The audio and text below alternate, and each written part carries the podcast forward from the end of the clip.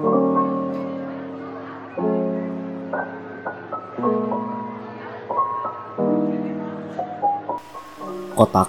kota metropolitan atau aku memanggilnya metropolitan. Terinspirasi dari lagu Inafikula dahulu. Tapi Jakarta bukanlah kota yang biasa. Kota yang penuh akan sejarah katanya. Kota induk dari semua kota di negeri tercinta ini, walaupun terkadang menjadikan kota lain seperti anak tiri. Jakarta itu seperti deru waktu yang memburu setiap penghuninya. Ada yang bilang Jakarta itu kejam, dan ada yang bilang Jakarta itu adalah ironi. Tapi di sisi lain Jakarta itu membawa kedamaian tersendiri. Dan mereka-mereka ini selalu bilang, orang-orang di Jakarta itu harus tahu apa isi perutmu dan di mana orang-orang bebas atas isi kepalamu.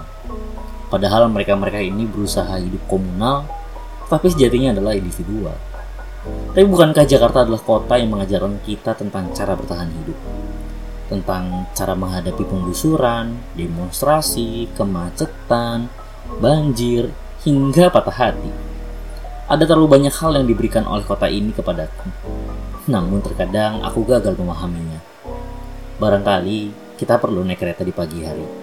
Merasakan desakan dari kanan dan kiri, tangan pegal karena bergelantungan, dan memandangi wajah kantuk yang berdiri sambil terpejam, mengingat kasur yang beberapa saat lalu ia tinggalkan.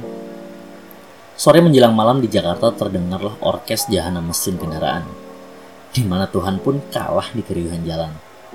Jakarta pada malam hari begitu gemerlap dengan sederet lampu kota yang begitu menyilaukan. Katanya, Jakarta pada malam hari mempunyai eleginya tersendiri. Tetapi pernahkah kamu jatuh cinta pada Jakarta? Seperti kata-kata penulis terkenal mengenai Jakarta. Salah satunya almarhum Soepardi Djoko Damono. Jakarta itu cinta yang tak hapus oleh hujan dan tak lekang oleh panas.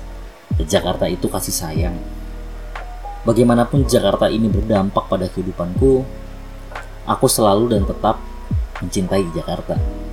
Aku cinta Jakarta.